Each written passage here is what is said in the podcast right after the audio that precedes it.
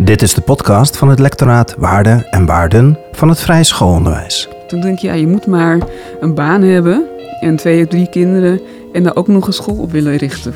Nou ja, dat vond, vond ik ook wel heel veel respect eigenlijk. Toen dacht ik, ja, dan moet die school er ook gewoon komen. In deze aflevering bezoeken Wouter Modderkolk en Janja Piebeek Jamila Blom. Jamila is directeur op Waldorf aan de Werf. Uh, maar ik vind het veel interessanter om te kijken van wat hebben we wel gemeen zodat we met elkaar elkaar kunnen leren kennen en die brug over kunnen steppen met respect. Waldorf aan de Werf is een nieuwe interculturele basisschool in Amsterdam-Noord. Ze omschrijven zichzelf als een plek waar elk kind zich veilig en gezien voelt en waar inclusief denken centraal staat. Ik vind het eigenlijk heel knap dat je het wit hebt kunnen houden binnen Nederland. Ik vind eigenlijk dat sinds ik me even verdiep dat de opzet van de, van de antroposofische pedagogiek is eigenlijk gewoon eigenlijk perfect om heel inclusief en intercultureel te zijn. Dus zo gemaakt dat iedereen zich welkom voelt en open is. Dit onderwijs wordt aangeboden op een fundament van Waldorf Vrije Schoolonderwijs. Welkom Jamila aan de podcast. Dankjewel, dankjewel. De luisteraar kan ons alleen maar beluisteren en niet zien waar we zitten. Kan jij misschien omschrijven waar zijn wij? Ja, we zijn in Amsterdam-Noord. Onze prachtige mini-school Walder van de Werf.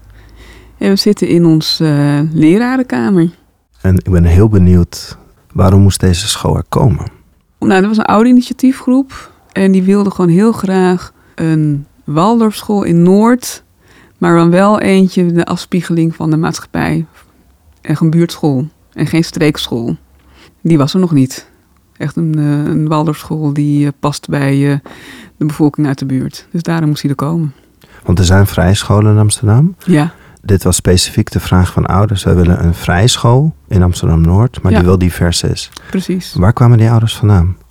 Ze hebben bijna allemaal van initiatief zelf op een vrije school gezeten. Over heel Nederland. En ze verhuisden naar Noord. En ze voelden de urgentie om niet een van die eh, nieuwe Noorderlingen te zijn... die zich niet verbonden voelen met de, met, met de wijk. Dus voelden ze, ze voelden, voelden daar een noodzaak in. Daarom zijn ze, hebben zich daarvoor hard gemaakt, zeg maar. Dat hun, het onderwijstype past bij de wijk. En we snappen eigenlijk ook niet waarom dat nooit zo is geweest. Maar waren zij al divers dan? Was het al een divers publiek die zelf op de vrije scholen hadden gezeten? Die zeiden we willen ook een diverse en een inclusieve vrije school. Nee, de, de drie, de, volgens mij de drie starten mensen, die waren het zeker niet divers. Gewoon witte Hollandse mensen. Ehm, en ze zijn op zoek gegaan naar nou ja, mensen met een diverse achtergrond. Of het nou een eh, andere landen binnen Europa of buiten Europa hebben ze eh, contact gemaakt. En ze hebben zichzelf onderwezen, want ze waren ook zelf eigenlijk heel onwetend over welke ehm, eigenschappen, kwaliteiten en eh, competentie je in huis moet hebben om in een diverse samenleving open te staan voor iedereen. Dus ze hebben echt bewust zijn ze gaan lezen, trainingen bezocht, gesprekken gevoerd. En ja, ze hebben zichzelf daarin, eh, eh, ja, zijn ze zichzelf in gaan ontwikkelen. En dat hebben ze dus een visie opgeschreven. En op basis van die visie zijn ze naar allerlei besturen gegaan. En eigenlijk was de Geert Grote Stichting de enige die dat zag zitten. En eh, het, het, het plan heeft overgenomen en een school is gestart. En weet jij waarom de Geert Grote Stichting dit zag zitten en wilde instappen? Nou, omdat zij dus de noodzaak zagen van eh, zo'n eh, ja, interculturele inclusieve school, die hadden ze nog niet. Het paste mooi binnen alle scholen die ze hadden. En ze hadden natuurlijk wel net al Tula geopend in Oost, die ook een eh, diversiteit hoog in een vaandel heeft zitten. Dus, dat, dus het was al een zaadje geplant daardoor. En dat deze, dit initiatief was dan een mooie aanvulling daarop. Kan jij nog herinneren wanneer je instapte? Wanneer was het moment dat jij met het initiatief in aanraking kwam? Ja, het is eigenlijk op mijn pad gekomen. Henen, een van de eh, ouders die daarbij zat, die ken ik. Van, eh, het is jaren geleden hadden we een project met elkaar gedaan.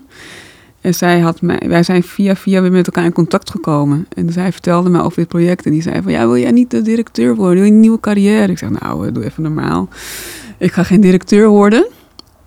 Maar ik ben wel gaan kijken en ik ben naar informatiebijeenkomsten geweest en naar ouderbijeenkomsten. En het, ja, ik weet niet, het kwam meteen in mijn hart. Dat initiatiefgroep, hoe, ze, hoe bevlogen die ouders waren. En het paste zo bij wat ik allemaal al deed, dat ik het toch niet los kon laten. En wat was de kern van wat jou in je hart raakte of wat je al deed? Nou ja, Ik ben natuurlijk al vanaf ja, mijn hele werkcarrière ben ik op verschillende manieren met onderwijs. Heb ik in het onderwijs gewerkt. In het hoger onderwijs heb ik altijd uh, met diversiteit bezig gehouden en de studenten daar ook vakken over geven, uh, over diversiteit. En wat is jouw rol daarin als professional? Nou, dat kwam hier, dat kwam hier samen, zeg maar, in de praktijk. De, dus de, de, uitgangspunten van waarom het zo belangrijk is om daarvoor open te staan. Het, het was geen, niet meer alleen maar gewoon theorie, maar het werd, werd, werd, het werd realistisch. Dat was, en dat kon ik niet meer loslaten. En de bevlogenheid. Dan denk je, ja, je moet maar een baan hebben en twee of drie kinderen en daar ook nog een school op willen richten. Nou ja, dat vond ik ook wel heel veel respect eigenlijk. Dat je daar, waar haal je die tijd en energie vandaan om je daar hard voor te maken? En dan ben je al drie, vier jaar bezig en heb je zoveel tegenslagen en je gaat gewoon door. Toen dacht ik, ja, dan moet die school er ook gewoon komen. Dat is dat eigenlijk. En toen heb je heel hard meegerend. Ja, nou, ik heb me wel bewust op de achtergrond gehouden. Ik dacht, ja, als ik echt ga solliciteren als directeur, dan moet ik niet 100% uh, in, die, uh, in die voorbereiding zitten. Dat leek me niet zo, uh, ja, dat leek me gewoon niet gepast. Dus ik heb op de afstand meegedaan. Ik heb het gevolgd. Ik ben wel meegegaan naar, het, naar de gemeenteraad, bijeenkomsten en zo'n t-shirt aangetrokken van we moeten echt komen. Maar ik heb niet het praatje gehouden. Dus ja, ik wilde wel gewoon echt dan ook solliciteren en om mijn kwaliteiten aangenomen worden en niet omdat ze me nou zo leuk vinden. Even terug naar, je zei net van in het hoger onderwijs gaf ik les over diversiteit en het belang daarvan. Ja. Wat was een beetje de kern van wat je doseerde of waar stond je voor of wat wilde je de studenten, de toekomstige professionals meegeven? Nou, dit was dan voor de toekomstige pedagogen die op verschillende manieren met ouders en kinderen gaan werken. Nou, en ik wilde eigenlijk dat ze gewoon uh, zich realiseerden dat als je in Amsterdam gaat werken, hè, dan kom je in een super diverse maatschappij en dan kom je in contact met mensen die anders zijn dan jij. Uh, om wat voor reden dan ook. Het kan een cultuur zijn, het kan, kan geloof zijn of een, wat zij, weet je, rijk, arm, van alles. Of een andere politieke voorkeur. En ik wil dat je daar bewust van bent dat dat invloed heeft op wie jij, hoe jij die persoon benadert. Dus, en dat betekent niet dat je dan uh, naar de mond moet praten, maar je kan in eerste instantie op naar overeenkomsten stel je voor, je komt in een islamitisch gezin en je bent zelf katholiek opgevoed of zo, dan, is er al, dan zijn er overeenkomsten in. Dan kan je wel denken, oh, die islamie, maar dan kan je vanuit bepaalde overeenkomsten op geloofsuitingen toch die verbinding vinden en van daaruit um, nou ja, begrip tonen voor de verschillen, bijvoorbeeld. En uh, want ik denk dat het zoeken naar verbinding de basis is in plaats van, ik vind in, in onze uh, diverse samenleving dat er altijd naar de verschillen wordt gekeken. En die worden interessant gevonden of niet interessant. Uh, maar ik vind het veel interessanter om te kijken van wat hebben we wel gemeen, zodat we met elkaar elkaar kunnen leren kennen en die brug over kunnen steppen met respect. Maar ook dat je niet je eigen mening hoeft op te, op te leggen. Ja, zoals bijvoorbeeld, volgens mij met uh, die aanslag in Frankrijk een keer. Het werd opeens geroepen van ja, alle, alle grenzen moeten dicht of zo. En uh, dat was, dan liepen een paar studenten stage op scholen, op middelbare scholen. En ik zeg, nou ja, wat jij ook vindt, hè, of ze grenzen wel of niet dicht doen, zou jij dat dan gaan zeggen in zo'n klas? En zei ze, ja, tuurlijk zou ik mijn mening zeggen. Maar wat doe je dan met die kinderen die een andere mening hebben dan jij? Voelen ze zich nog wel welkom? Omdat jij vindt dat de grenzen open moeten blijven of juist dicht moeten zijn en zij denken er iets anders. Dus dan moet je bewust zijn van je positie. En eigenlijk telt jouw mening op die manier niet zo. Want je moet er voor altijd voor iedereen kunnen zijn als je les geeft. Maar wel op een. Maar het is wel heel mooi als je een gesprek of een discussie op gang kan brengen. Of eigenlijk niet een discussie, maar eigenlijk een dialoog. Ik wil ze eigenlijk leren een dialoog in plaats van een discussie. Want een dialoog ben je op zoek naar uh, elkaar begrip. Zonder meteen de mening over te nemen. En een discussie, dan blijf je tegenover elkaar staan. En lukt het ook, want in de, de, de, de opleidingen pedagogiek en de leraaropleidingen kunnen ook nog wel eens uh, niet divers zijn. Lukt het ook om daarmee een diverse publiek aan te trekken? Ja, ik, ik vind dat er wel veel diverser zijn geworden bij de, binnen de opleiding, ja. Mijn laatste groep, uh, vorig jaar gaf ik daar nog les, was het echt zo 50-50 in de klas. Uh, qua migratieachtergrond of helemaal Nederlandse achtergrond. En dat was wel heel leuk om te zien. En tegelijkertijd zorgde dat ook voor dat ik harder moest werken. Want je zag echt die twee scheidslijnen, wit, niet wit, in de klas, letterlijk. Dus dan is het ook weer hard werken om hun te leren om met elkaar ook in de verbinding te gaan. Maar ja, ik vind dat een leuke uitdaging, dus dat doe ik graag. Maar uh, ik weet niet of het door die uh, vakken komt hoor, dat het diverser is geworden. Dat weet, durf ik je niet te zeggen. En hoe werkte je dan om die verbinding binnen de klas te kunnen creëren? Nou, soms op een gegeven moment, ze moeten altijd ook in groep, groepjes werken. En op een gegeven moment valt het gewoon op dat ze altijd dezelfde kiezen. Nou ja, dan ga je daar gesprek gewoon uh, over aan. Eerst zorg je voor veiligheid. Dus eerst ga je wat afstandelijker praten over, nou, hoe denk jij over bepaalde onderwerpen in de maatschappij? Nou, en dan heb je het bijvoorbeeld over de seksualiteit, want dat komt ook naar voren als pedagoog, dan moet je wel mee dealen. Nou, en dan, komen, en dan is er net iemand van wie je denkt dat hij heel uh, rechtlijnig denkt, dat hij juist de meest open-minded is. Nou, en dan uh, verrassen ze elkaar. Nou, en om dat dan, dan te benadrukken, en, uh, zien ze elkaar. En dan op een gegeven moment ga je zeggen van... hé, hey, hoe komt het dat jullie steeds altijd met dezelfde studenten kiezen om het werk te doen? Wat ook heel logisch is, want je kiest mensen die het meest op je lijken in eerste instantie in een nieuwe situatie. Dus het is ook niet dat, dat, dat je dat meteen moet verbreken. Maar dan wijs je ze eigenlijk op een veilige manier op hun eigen ja, veilige keuzes. En dan daag je ze uit om eens een keer wat minder veilige keuzes te maken. En daar dan uh, ook weer met te praten van het heeft het je opgeleverd. Dus in veiligheid eerst het gesprek aangaan, die bewustwording, daar start het bij. Precies, ja. En hoe zie je dat als je naar de vrije scholen kijkt? Je vertelt, uh, Waldorf aan de Werf maakt deel uit van een stichting uh, met vrije scholen uh, die niet de nadruk leggen op intercultureel onderwijs. Dat staat ook bij jullie op de voordeur. Ja. Wat kunnen zij doen om ook intercultureel te worden? Of wat doen ze misschien nog niet? Of waar zit de blinde vlek? Of welk gesprek is er nog niet gevoerd? Veel vragen. Ja. waar moet ik beginnen? Nee, ik weet niet zo goed waar, um, welke gesprekken er nog niet gevoerd zijn op die scholen. Maar dus, want ik ben, kom natuurlijk niet, maar op directieniveau, want met alle directeuren komen regelmatig bij elkaar. Um, merk steeds meer dat de directeuren de urgentie voelen om er wat mee te doen. En uh, toen uit hebben gesproken, nou ja, laten we er wat mee doen met elkaar. En ik merk maar de stap om daadwerkelijk wat te doen, die is dan groter dan de urgentie voelen. En, uh, en helpt het dan dat er dan een school daarnaast gezet wordt die het gaat doen? Ik denk het wel. Want nu heb ik uh, iemand bijvoorbeeld tips gegeven van... we hebben een paar workshops, training gevolgd van mensen die daar op dit onderwerp wil weten. Nou, misschien is het ook wat voor jullie, weet je. Dus dat, ik denk dat dat al een stuk makkelijker maakt. En we hebben bijvoorbeeld het meest makkelijke voor elke vrije school, denk ik... is de ingang van de jaarfeesten. En ik merk dus je dan dat, dat ze dan zien hoe wij, nou en natuurlijk heeft dat nu ook, doet dat ook, um, ook als een ander jaarfeest vieren of, of het, uh, nou het Miegevelsfeest wat we net hebben gehad breder maken bijvoorbeeld. Nou, ik denk dat dat wel inspirerend is, want dat kan elke school, je hoeft maar één ander jaarfeest te doen of het even anders in te vullen. Is, dat is een hele laagdrempelige manier om een start te maken met uh, wat inclusiever te worden. Daar gaan we zo meteen doen. Ik ben heel benieuwd wat je met jaarfeest Kan je eerst een beetje schetsen hoe jullie het, je onderwijs hebben ontworpen vanuit ook een diversiteitsbril?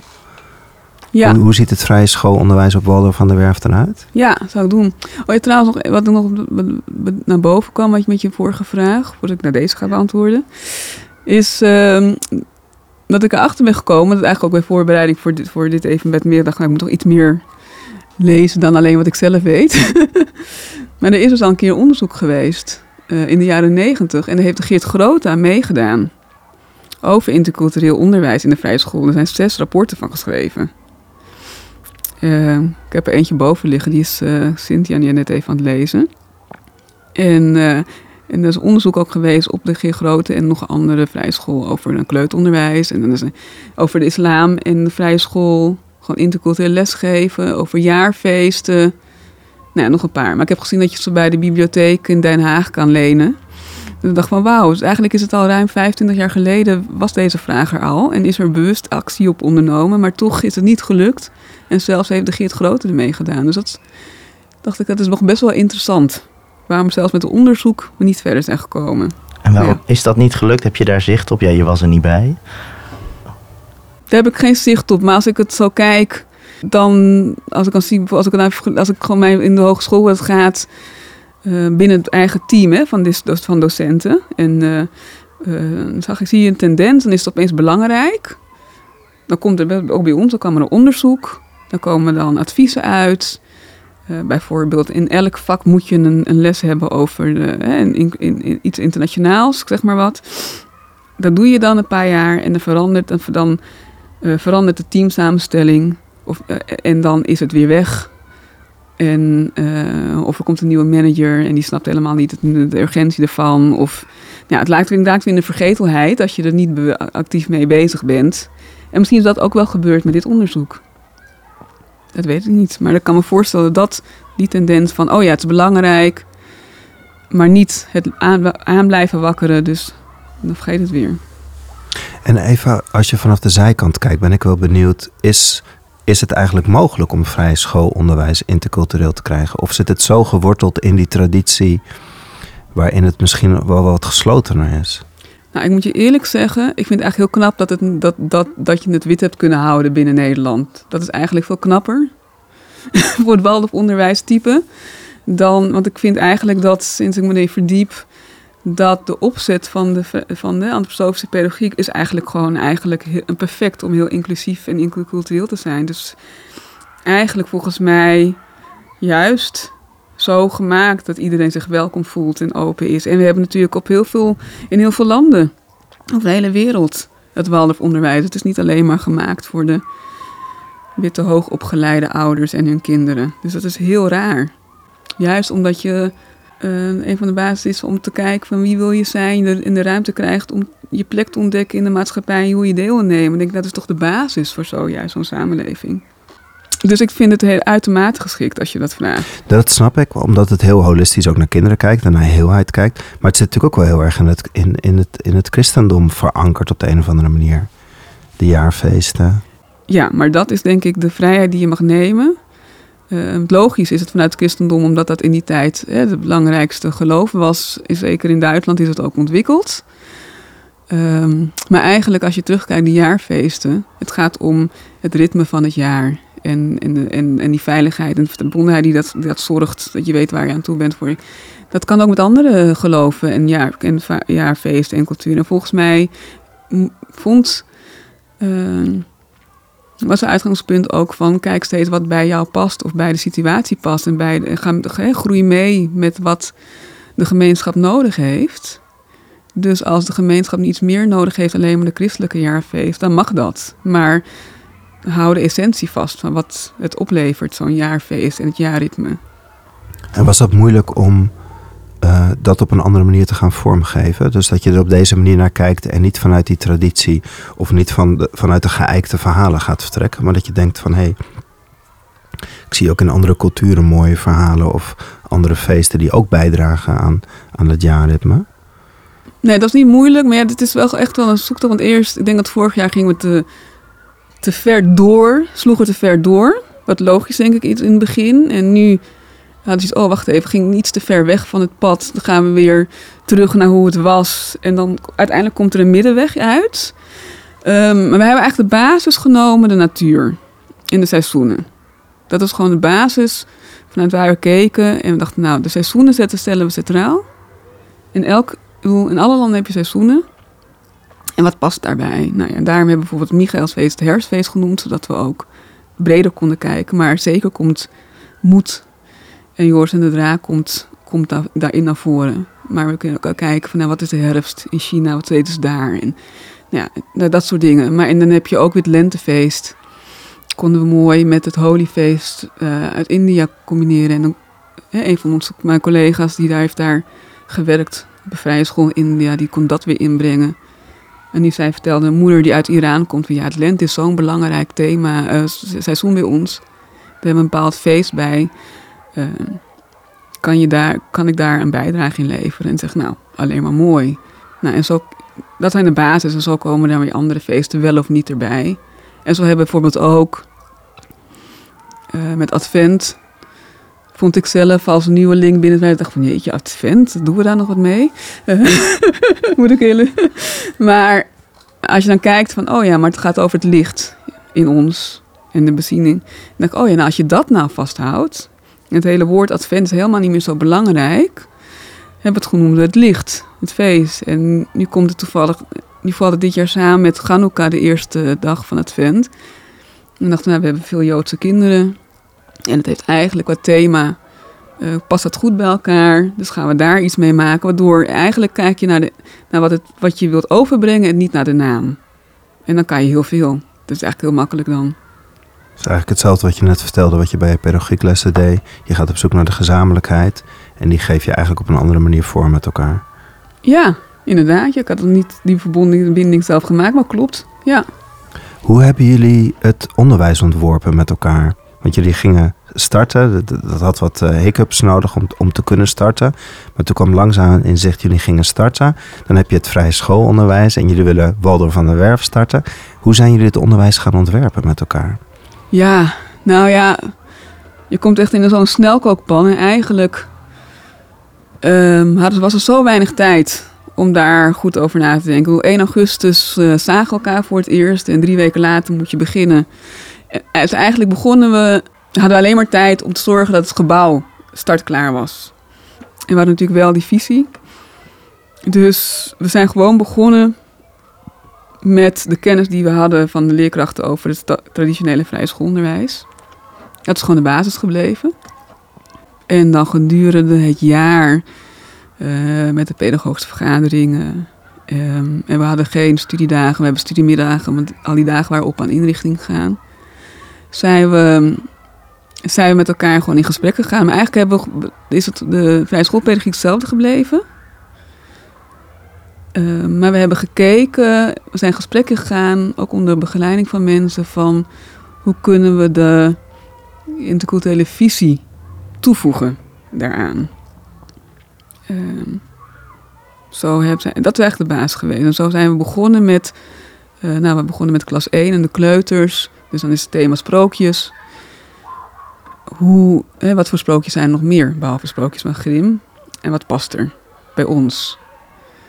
Nou, ehm, maar daarna en ook eigenlijk praten met elkaar. Ja, wat betekent het intercultureel voor jou als persoon? Dat is ook een hele mooie. En het bleek dat we.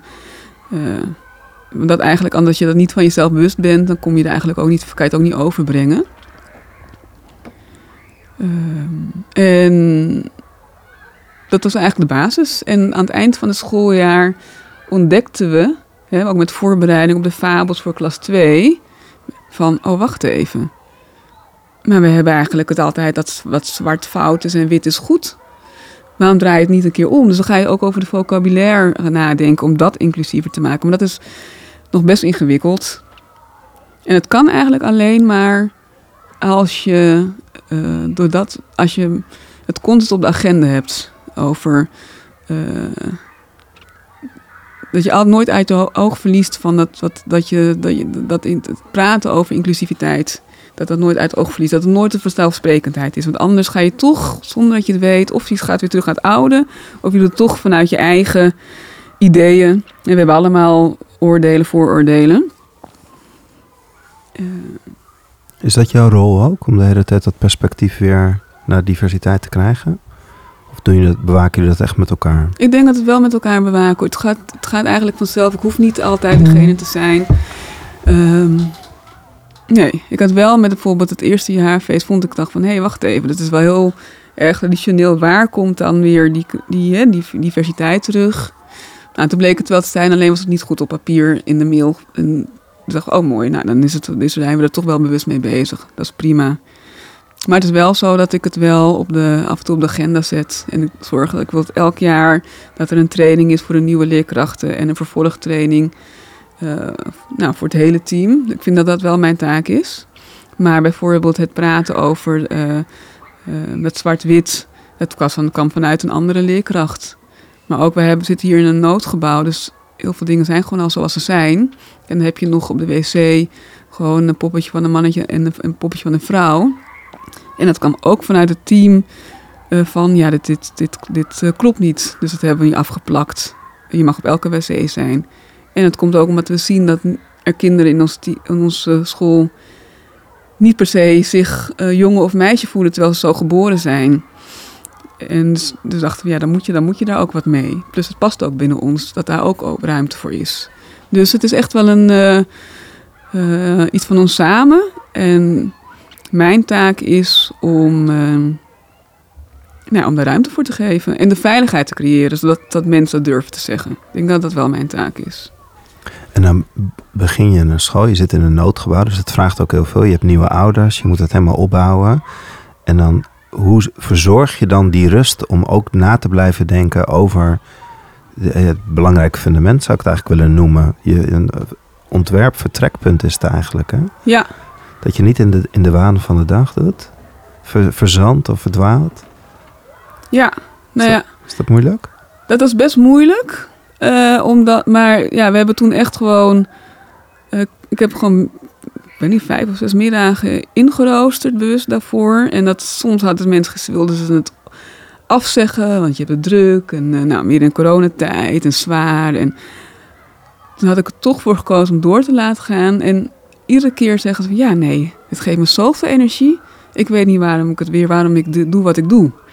En dat heb je na, na een paar keer dat ervaren hebben als leerkracht is er helemaal geen eh, weerstand meer. Tuurlijk beginnen we wel ook weer moe. Maar omdat ze weten van ja, als ik hier kom en hier gesprek over ga, dan ben, dan ben ik weer gevoed. Dus doordat ze dat nu een paar keer hebben ervaren, ehm, gaat het nu vanzelf eigenlijk om daarvoor open te staan.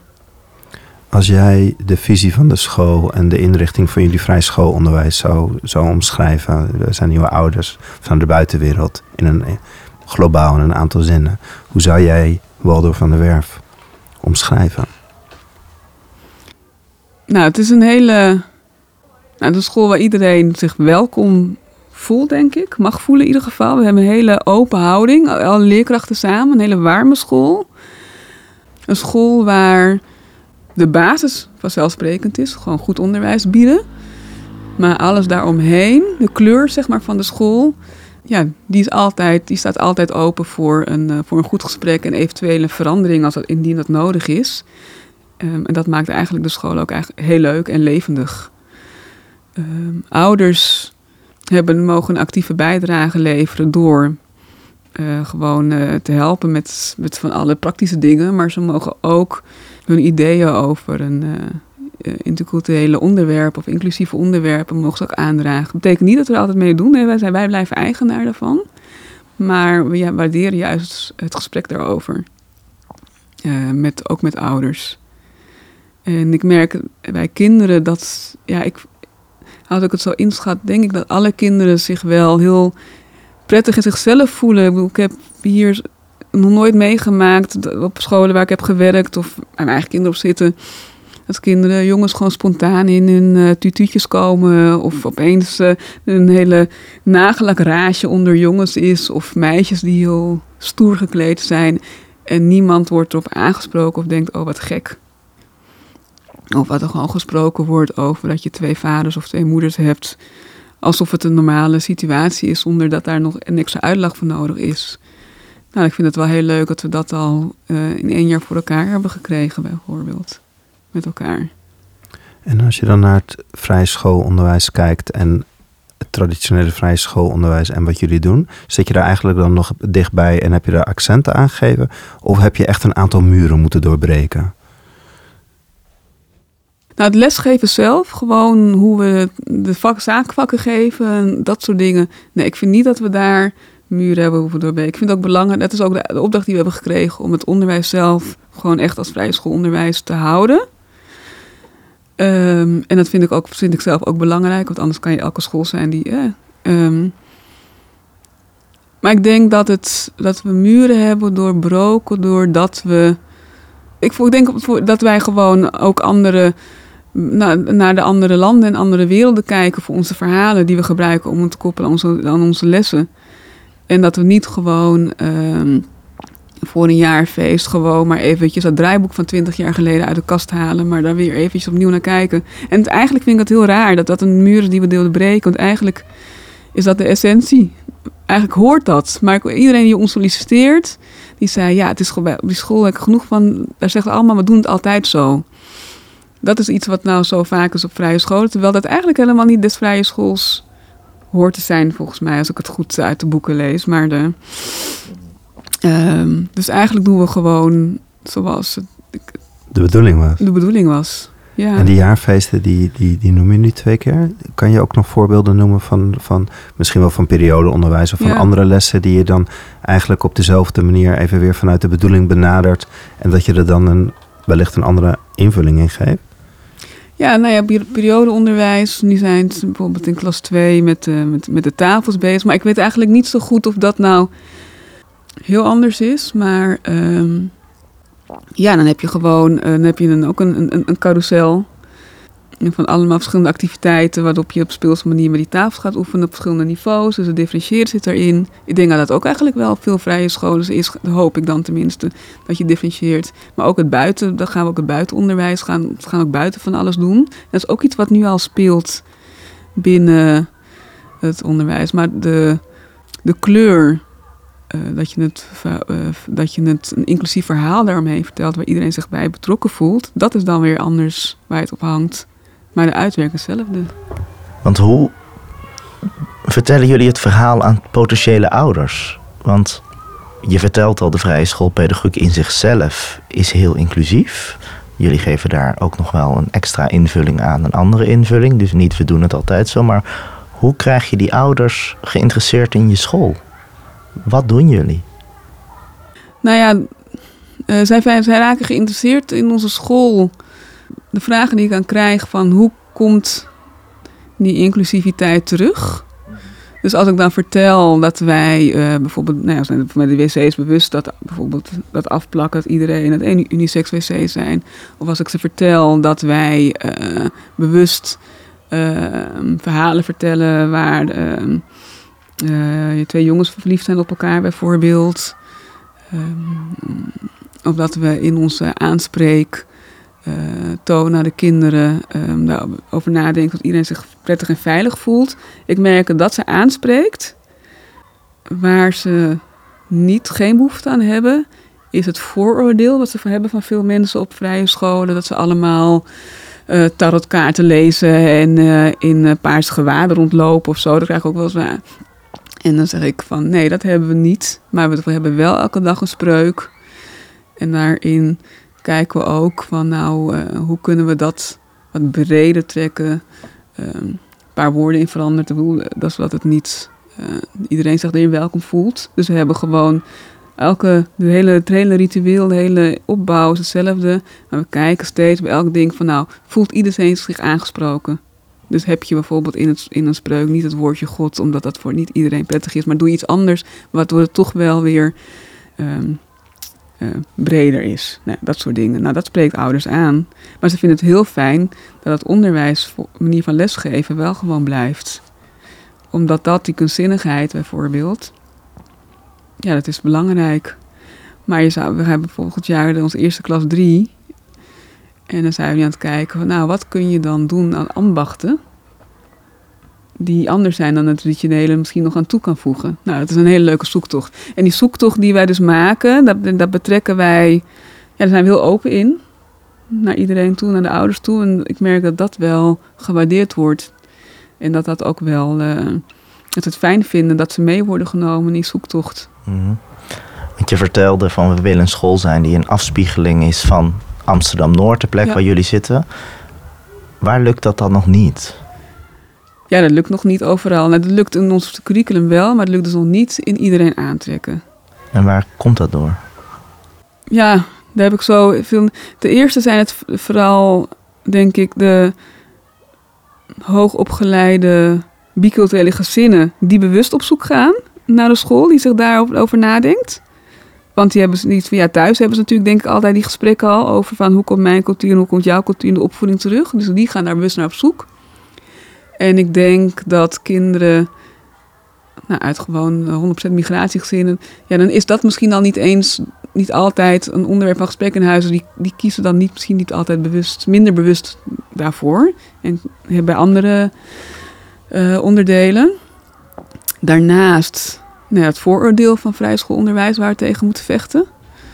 Uh, daarom noem het ook Waldorf. Het woordje vrij, dat roept al veel op.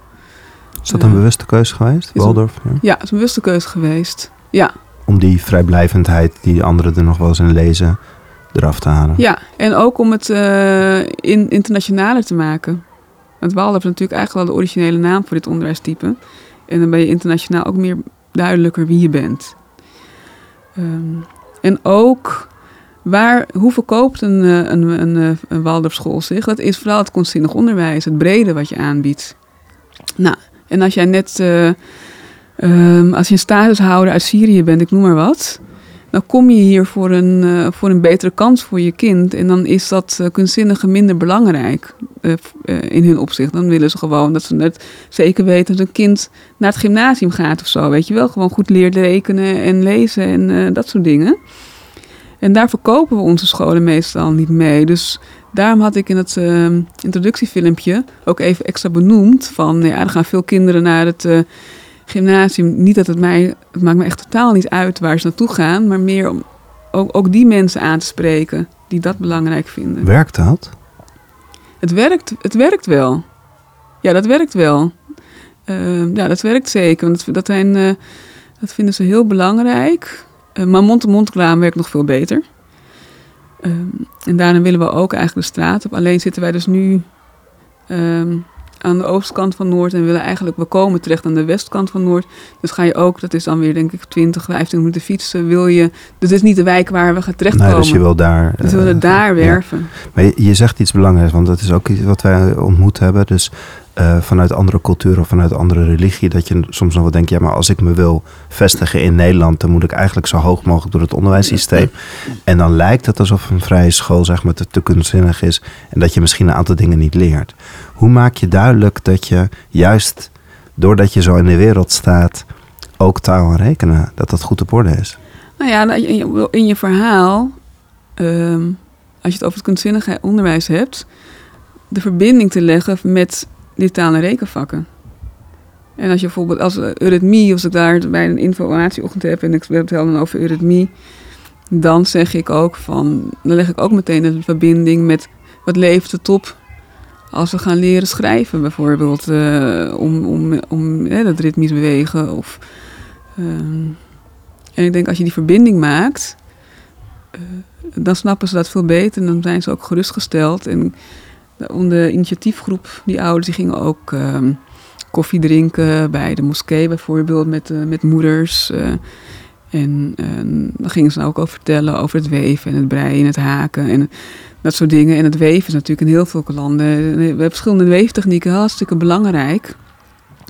En daar, door oh, doen jullie dat ook? En door daar raken ze opeens veel meer geïnteresseerd in onze school en het belang daarvan. Dus je moet eigenlijk kijken, uh, dat is een ingang, ook om andere dingen te doen. Dus je moet heel erg je best doen. Het is gewoon hard werken, het komt niet vanzelf.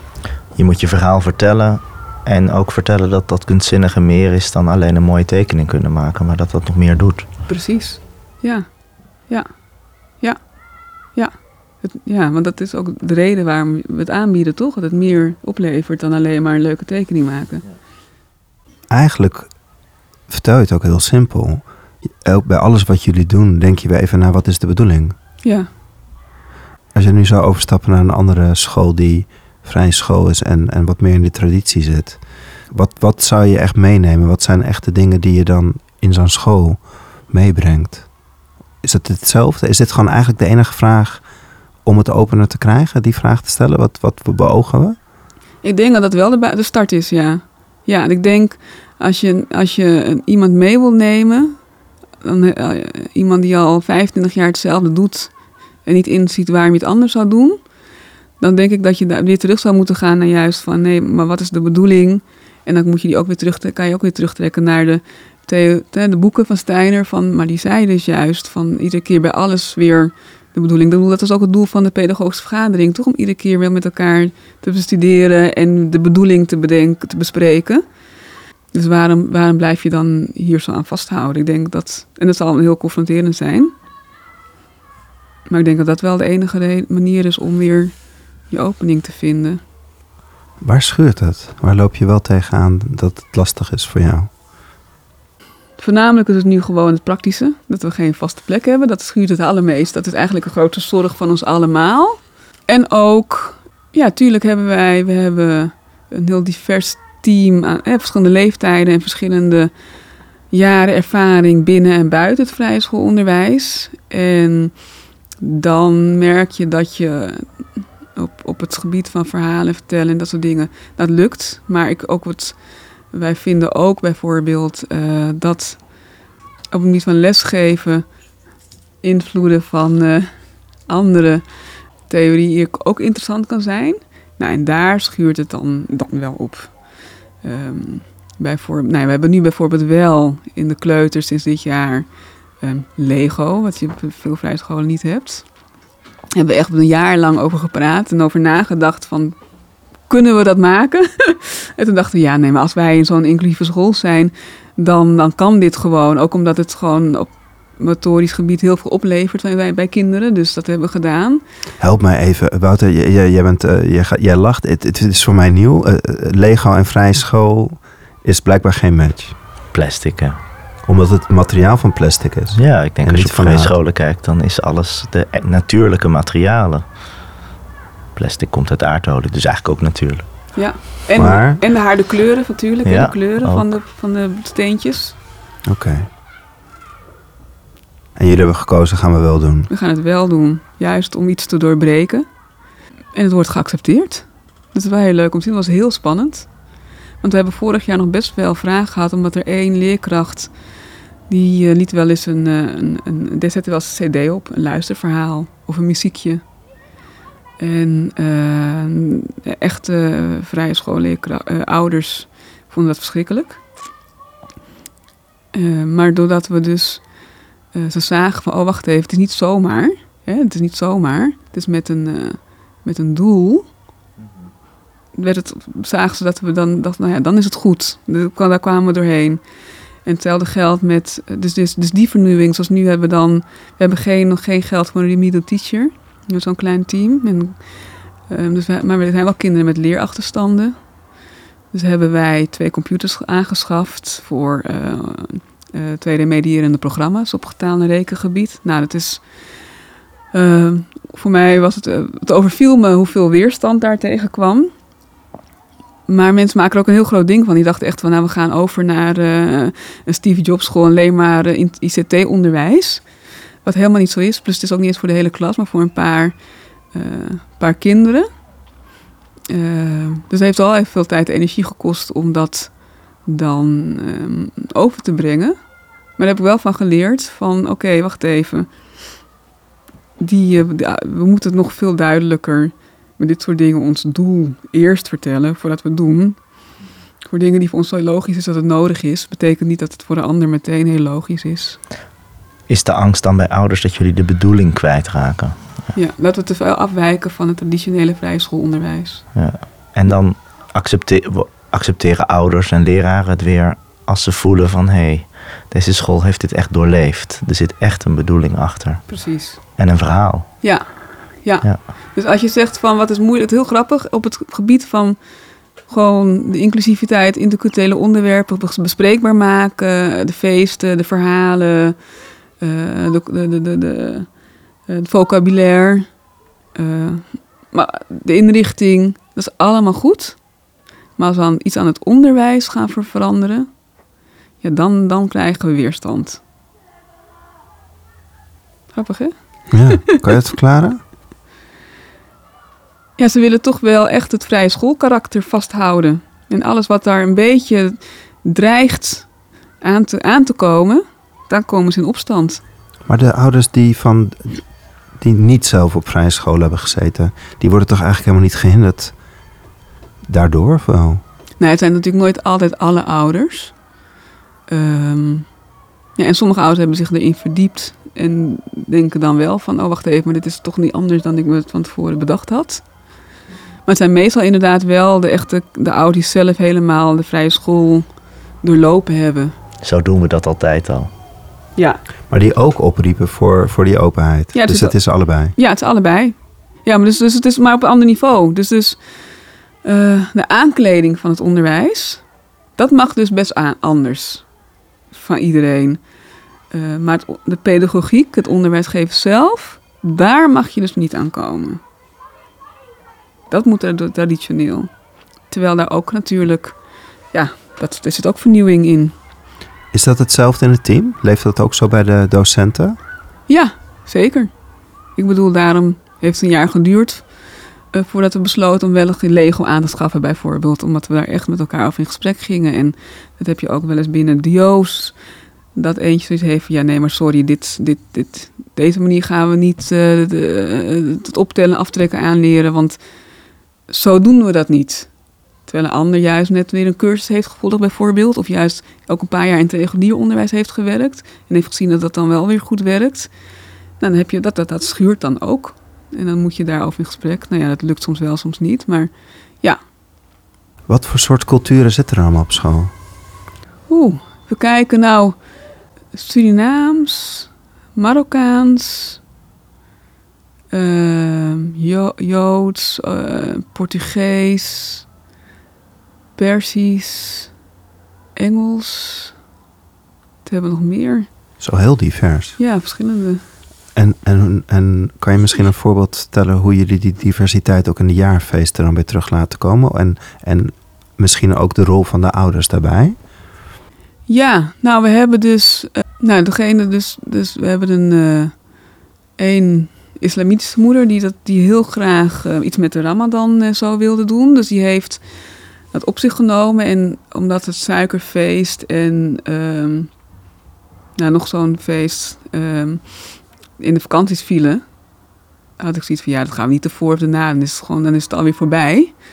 Uh, maar ik heb me er toen even verdiept en blijkt dus dat de, ja, het, het, Ramadan zoveel meer is, een, meer is dan alleen maar het, het, het vasten. Dus we hebben iemand, hij heeft, het, hij heeft dus een iftarmaaltijd georganiseerd. Samen met de feestcommissie natuurlijk, maar het heeft voor zijn rekening genomen. En het heeft dan samen, uh, ik coördineerde toen dat, die samen met mij dan uh, gekeken naar uh, nou, wat voor boeken of onderwerpen. nou, ze heeft een beetje invulling voor de hele maand. We hebben er gewoon eigenlijk de hele maand aandacht aan besteed. Um, en toen hebben iemand van de, de islamdocent van de IPABO, die is bij ons, heeft een inspiratieworkshop gegeven tijdens een van de pedagogische overleggen. En dachten we, oh wacht even, je hoeft helemaal niet over de Koran te hebben maand lang, maar je kan het over alle onderwerpen, je kan best een verhaal van kikker en padlee voorlezen.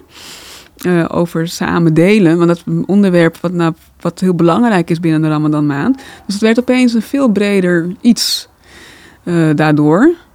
Uh, waardoor je een hele mooie maand werd met allemaal onderwerpen.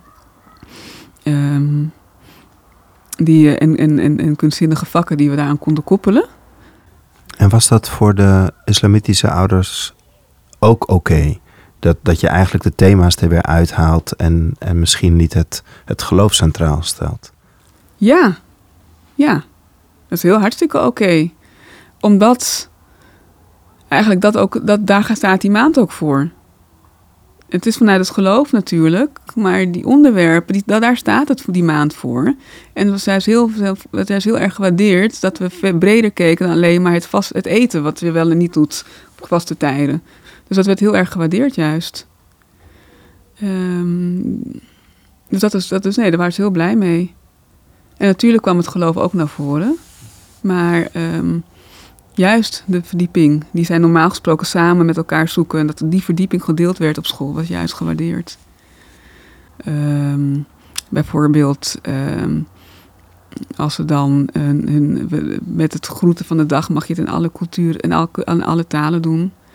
En uh, als een kind iets in zijn eigen taal zegt, dan wordt het ook niet afgestraft. Dan zeggen dan zeggen van nou, het is ook een mooie manier om dit te zeggen in jouw taal. En in het Nederlands zeg je buik je deze woorden. Dus het mogen allemaal zijn, zeg maar. En ik denk dat dat veel belangrijker is dan dat je elk jaar weet dat elke cultuur iets doet. Maar dat het gewoon onderdeel wordt van het dagelijks programma.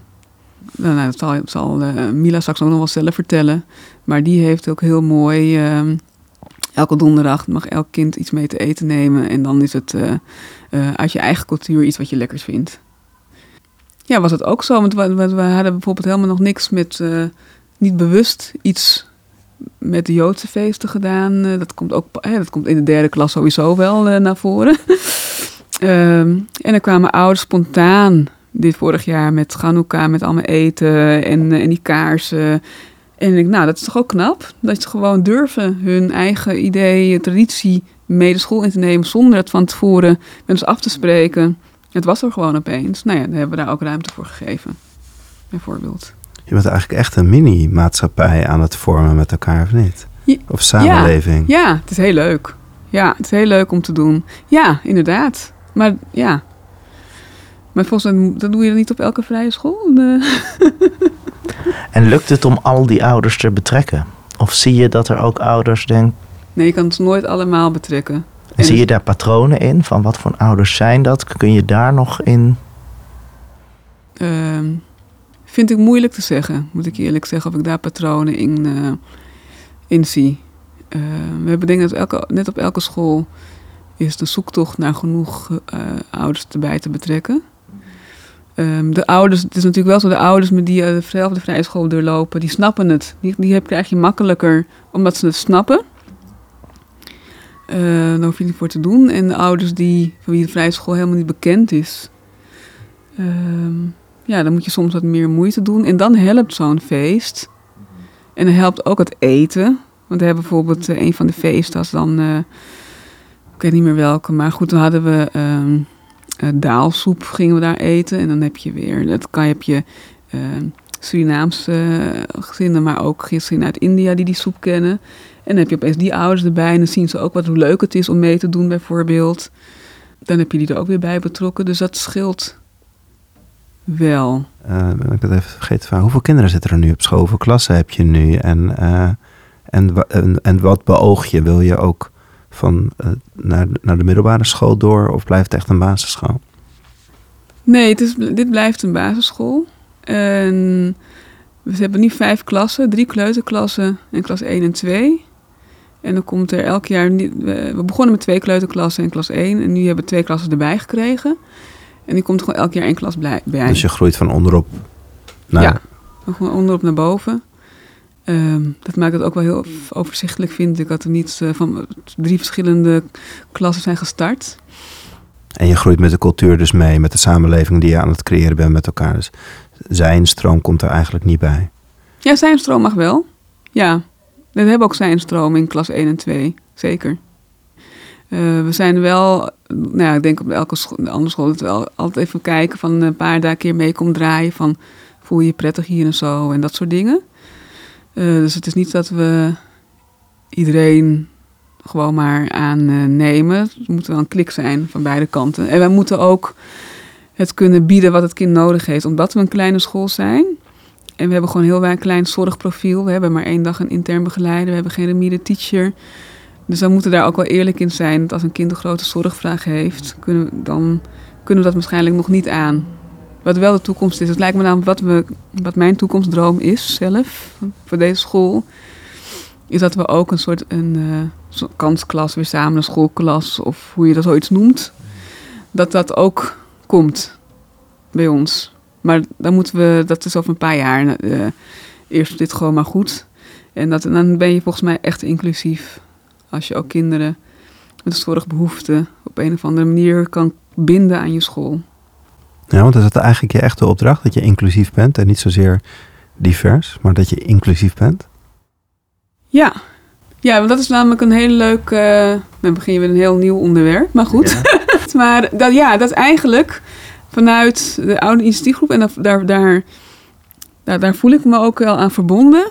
Eigenlijk wil je een inclusieve school zijn. Maar inclusief, um, dat begrip is gewoon nog niet zo bekend. En in, in, het, in het basisonderwijs is het gewoon bekend als, ja, eigenlijk dat passend onderwijs. Hè? Dat kinderen met een hulpvraag, dat is eigenlijk inclusief. En, ja, en intercultureel, daar denken mensen eerst, in, eerste instantie aan. Maar eigenlijk is een inclusieve school veel meer dan die interculturele uh, mix en mengeling. En veel meer dan alleen kinderen met een, uh, met een, met een extra hulpvraag uh, op leergebied. Ehm, een inclusieve school, en dat is eigenlijk ook wat ik onder, onder, onderwees op de, op de HVA, is echt alle verschillen die er zijn. Op alle, op alle niveaus. De sociale ladder, de, de economische ladder, de religie, de culturen, ehm, de seksuele voorkeur, je seksuele geaardheid. Nou ja, noem maar op. Dat is eigenlijk wat ik zelf versta onder inclusiviteit. Wat de intensivgroep ook verstaat onder inclusiviteit. Maar omdat dat gewoon nog een te ingewikkeld begrip is, noem een is het een interculturele school geworden. Maar eigenlijk kijken we verder dan de verschillende culturen. We kijken eigenlijk naar alles. Alles is een gespreksonderwerp. En willen we welkom heten. Um, ik ben eigenlijk ook nog benieuwd naar wat kan de schoolleider die nog niet intercultureel onderaan zijn school naambordje heeft staan, wat kan die morgen gaan doen? Welk gesprek moeten ze gaan voeren? Welke stappen? Ik denk, nou ja, de, de, waartoe maar de eerste stap zou kunnen zijn, is ik gewoon met je team in gesprek kunnen gaan staan en je ervoor open om, hier, om anders naar ons onderwijs te kijken, om meer mensen te verwelkomen. En dan kan je gewoon kijken, gewoon klein van, nou, en wat, wat betekent dat voor jou? Wie kan je wel, hoe begin wel, wel verwelkomen? Of waar wil je wel aan werken? Nou, ehm, voor de een is dat uh, Sinterklaas op een andere manier vieren de eerste stap. Voor een ander is dat uh, ook eens een keer uh, prentenboek in de klas voorlezen met nou, bij andere huidskleuren of uit een ander land. Het kan van alles zijn. Het maakt alles eens goed eigenlijk, elk begin. En dat evalueren. En wil je het echt... Um, wil je het echt dat het gewoon iets blijvends wordt dan moet je denk ik leren groeien naar een cultuur waarbij je dat altijd op de agenda zet. Dus niet even dat je gewoon, ja, je moet jezelf leren en je team leren dat het niet even een soort modetrend is die je even inkoopt, invliegt en daarna weer loslaat. En dat is wat je, wat je vaak gebeurt. Maar dat is. En het kost tijd. Het is ook echt niet erg als, het, als je faalt. Ik, uh, ik bijvoorbeeld bij de, de, leerkrachten van de kinderen van mijn school. Er zijn een paar zijn, zijn um, gewoon op, op werkreis gegaan naar, uh, naar landen waar veel kinderen uit de school vandaan kwamen. Dus er zijn een paar naar Suriname geweest, een paar naar Ghana, nog een paar naar andere land of zo. Um, nou ja, dat had al heel veel opgeleverd om überhaupt anders naar die kinderen te kijken. Oh, nu snap ik beter uh, waarom zo'n kind van zes al uh, alleen naar school gaat. Waldo van de waterkant. Ja. ja. of dingetjes gewoon, dat, dat ze dat al, dat gaf al in, dan heb je, niet eens, heb je nog niet eens wat veranderd aan je onderwijssysteem. Maar gewoon een, een, je blik, je beeld breder gemaakt. Mm -hmm. Dus de houding van de docent verandert dan eigenlijk. Precies, ja. Ik denk dat dat de eerste is, je houding van ja, je open willen stellen. Ja, maar je, je, zegt het ook wel echt. Je wil ook, ook het, de inhoud van je onderwijs open willen stellen. Je, je doet letterlijk alle ramen open. Ja. ja. Ik denk dat dat echt de enige manier is om het echt te veranderen.